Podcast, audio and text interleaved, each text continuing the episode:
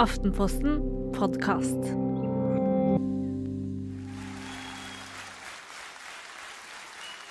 Altså, jeg er en stor fan av eh, Jarle Bernhoft. Det er en artist jeg har vært på, vet jeg nå, åtte konserter med. En av dem husker jeg overhodet ikke. Og som jeg vet jeg har hørt og vært på og sånn. Eh, og han betyr mye for meg, så det er ikke det at det er uviktig. Men det er bare Der er det tull, gitt.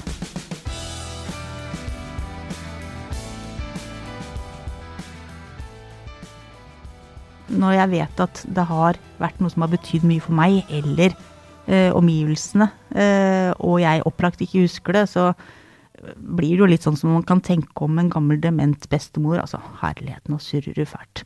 Eh, og det er jo i og for seg grei beskrivelse, det. Du surrer fælt.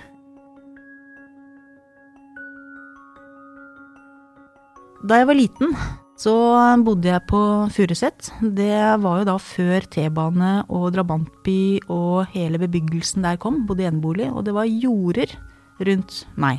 Og der rei jeg. Jeg hadde ikke egen hest, men jeg rei andres hester. Det er det som kalles å være fòrrytter.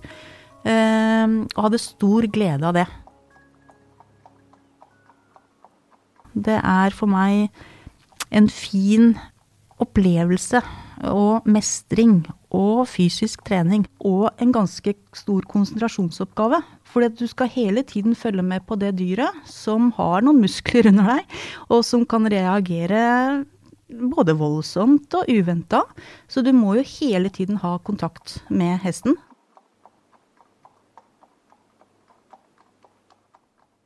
Så er det denne søndagen da, i oktober i eh, 2016, og jeg setter meg inn i bilen eh, og gleder meg til å komme ut i skogen i Mardalen og ri på tur med den hesten som jeg rir.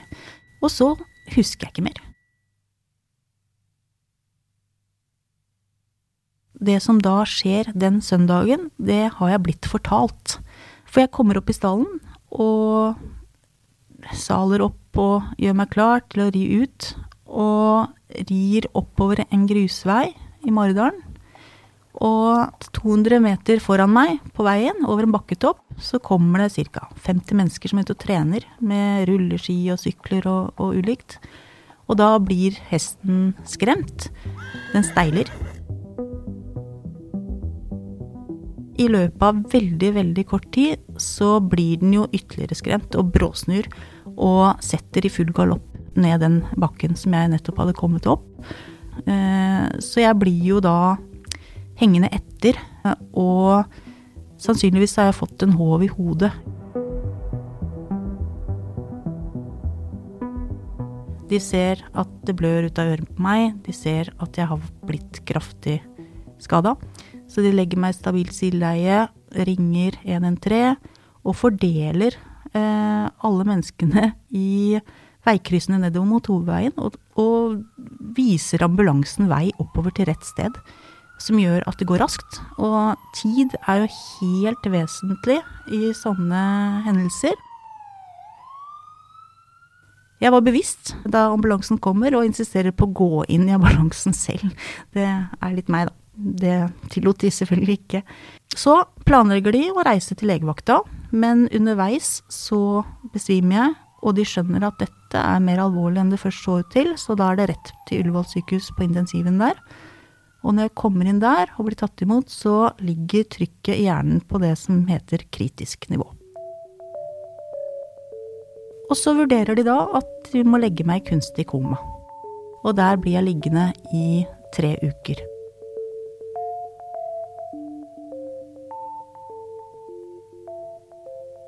Det de gjør på et sykehus sånn, er jo å sitte og snakke med deg ved siden av deg eh, under oppvåkningsperioden og fortelle deg hva som har skjedd. Eh, sånn at du ikke skal få det sjokket når du har den type bevissthet at du skjønner hvor du er, da. Så jeg var aldri redd.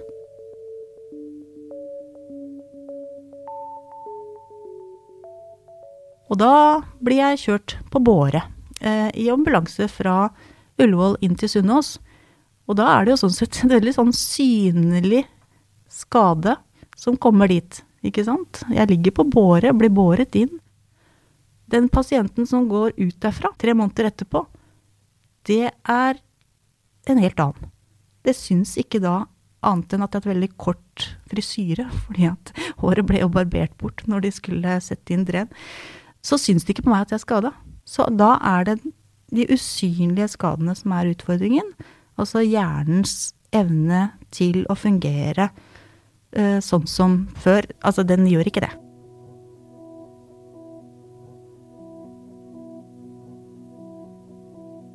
I frontallappen, da, som er den fremre delen av hjernen, så sitter personligheten. Jeg har jo merka at jeg har blitt litt annerledes. Eh, reagerer annerledes på ting. Mer følsom. Litt mer sårbar. Lettere irritabel.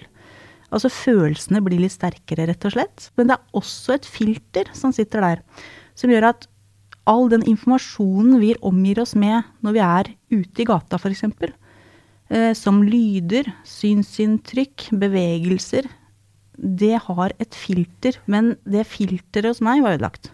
Så all informasjon gikk like sterkt inn i hjernen. Altså Hvis jeg skal gå nedover Bogstadveien og inn i en butikk, så trenger ikke jeg å vite at det er noen som roper på bikkja si, eller at det er en heisekran som går rundt der nede, eller at det blinker i et trafikklys. Det blir du sliten av. Det er som å være på rave-party, altså, som folk beskrev på 90-tallet når de holdt på med det. Eh, det gjorde at jeg i begynnelsen klarte å være ute i fem minutter før jeg måtte inn igjen.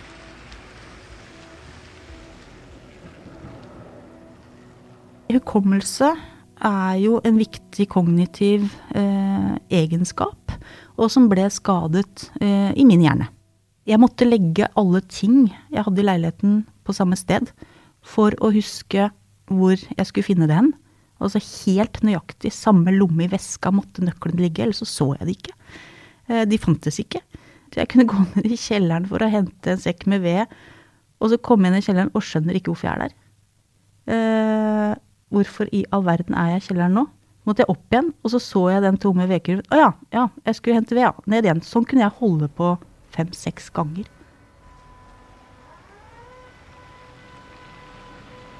Så da lagde jeg meg et prosjekt som jeg kalte Bli kjent med Oslo og med det med meg selv.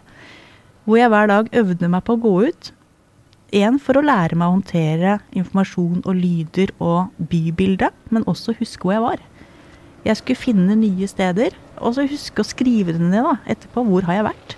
Hvordan kom jeg meg dit? Hvordan kom jeg meg hjem?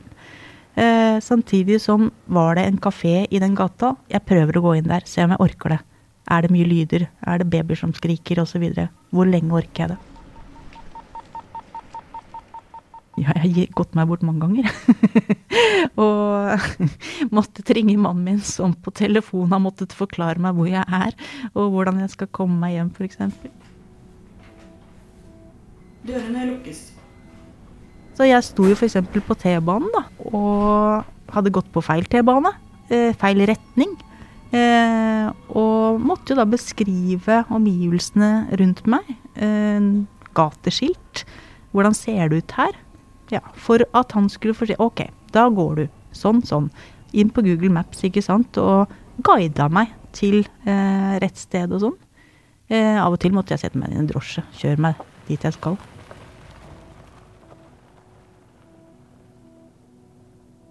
Når man står i en sånn situasjon og ikke aner hvor man var, er, så er det jo en fortvilelse.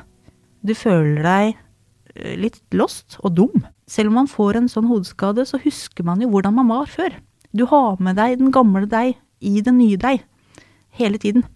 Det er ikke sånn at jeg har glemt hvordan jeg var før en hodeskade uh, inntraff. Uh, sånn at den fortvilelsen kommer jo da, over at jeg ikke mestrer det jeg før mestra. Kjapt tempo, fire ting som skal håndteres omtrent samtidig, tert, tert, tert. Det har vært meg, og aldri vært noe problem, og vært en styrke jeg har hatt. Nå går ikke det. Nå må ting gå i et saktere tempo. Jeg kan ikke ha så raske tidsfrister på ting. Eh, det er vel hovedforskjellen. Kapasiteten min er en annen. Én ting av gangen. Snakk rolig. Ikke snakk i munnen på hverandre.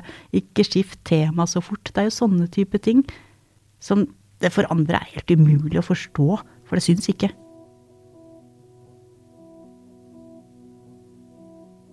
Nå er jeg veldig glad for at jeg ikke sitter i rullestol, men av og til så føler jeg at hjernen sitter i rullestol. Eh, og at eh, hadde det vært en eller annen fysisk markør på at den gjør det, så hadde det i noen sammenhenger blitt tatt litt mer hensyn, som hadde gjort at mitt liv ble litt enklere.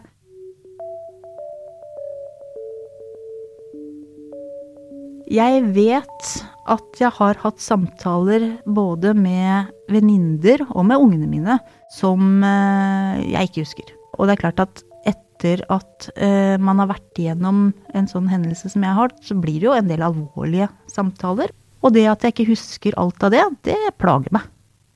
Det gjør det.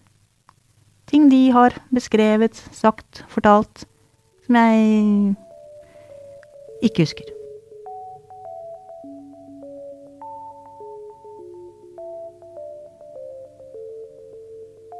Det er vanskelig å akseptere at eh, jeg ikke skal jobbe mer eh, enn jeg gjør nå, altså to dager i uka.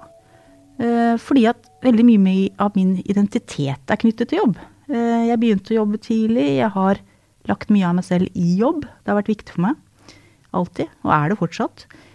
Og da type spørsmål De som kjenner meg som den Tonje, som har jobba mye, som har vært veldig engasjert, hatt politiske verv, vært med her og der eh, gjennom et langt liv nå snart. Eh, så eh, hvem er jeg da? Er jeg interessant nok? Eh, er det spennende å være sammen med meg? Eh, ja, den type spørsmål som dreier seg om identitet. Mm, fordi jeg har ikke det samme å bidra med nå som før.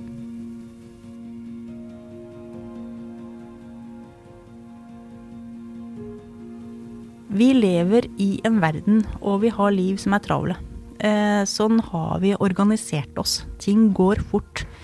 Og så har vi jo nå gjennom koronatiden, eh, i hvert fall har jeg det, som er mye hjemme på dagtid, sett at folk har skrudd ned tempoet lite grann. Folk går på en annen måte. Jeg har lagt merke til at man ikke strener på samme måten, man går mer. Titter opp på bygninger, ser hvor man er. Har et annet ganglag. Og jeg tror jo kanskje at det har noe godt for seg. Nå er det ikke så mye godt med korona, altså, det er ikke det jeg mener. Men hvis jeg skal tenke over hva jeg selv har måttet forholde meg til etter hodeskaden, som gjelder tempo, og hva folk ellers nå i samfunnet uh, har opplevd av temposkifte, så er ikke det bare negativt. Det å kunne være litt mer til stede i de situasjonene man er i, ikke alltid tenke på dagen uh, i overmorgen og alle andre gjøremål, men faktisk være til stede, lytte til de menneskene man har rundt seg der og da. Uh, det tror jeg kan være en nyttig lærdom, ikke bare for meg, men for de aller fleste.